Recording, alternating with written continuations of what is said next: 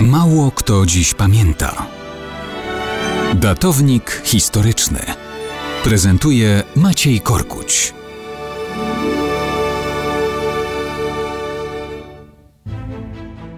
Mało kto dziś pamięta, że 18 października 1166 roku nastąpił finał drugiej wyprawy krzyżowej księcia Henryka Sandomierskiego.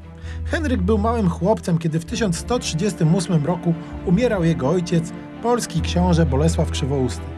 Jego starsi bracia objęli władzę w wyznaczonych im przez ojca dzielnicach. On jeszcze pozostawał pod opieką matki. Najprawdopodobniej jeszcze ojciec wyznaczył dla niego sandomierską część Małopolski, ale musiał osiągnąć wiek sprawny, czyli wówczas lat 12. Dorastał w latach rywalizacji i sporów między braćmi. Wiemy na pewno, że brał udział w wyprawie na Wołyń, gdzie zyskiwał doświadczenie wojenne i rycerskie umiejętności. Jako dwudziestoletni młody rycerz dołączył do grona krzyżowców walczących w Jerozolimie i w Ziemi Świętej. Jan długoż notował.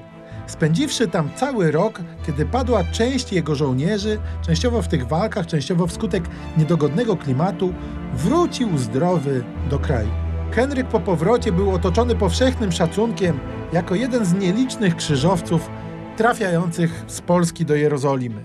Ale cóż tam było szukać pogan daleko, skoro tuż obok mieliśmy Prusów, Litwinów, Jadźwingów, niespecjalnie garnących się do chrześcijańskiej wiary. W 1166 roku Bolesław Kędzierzawy, starszy brat Henryka, zorganizował wyprawę na Prusów. Henryk jako doświadczony krzyżowiec oczywiście wziął w niej udział. To byłyby kolejne laury do jego rycerskiej chwały. Byłyby, gdyby nie pewien szkopuł.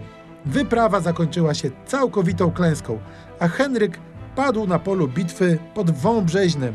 Tak więc to nie Polacy, ale pogańscy Prusowie zadecydowali o finale drugiej krucjaty Henryka Sandomierskiego. Drugiej i ostatniej.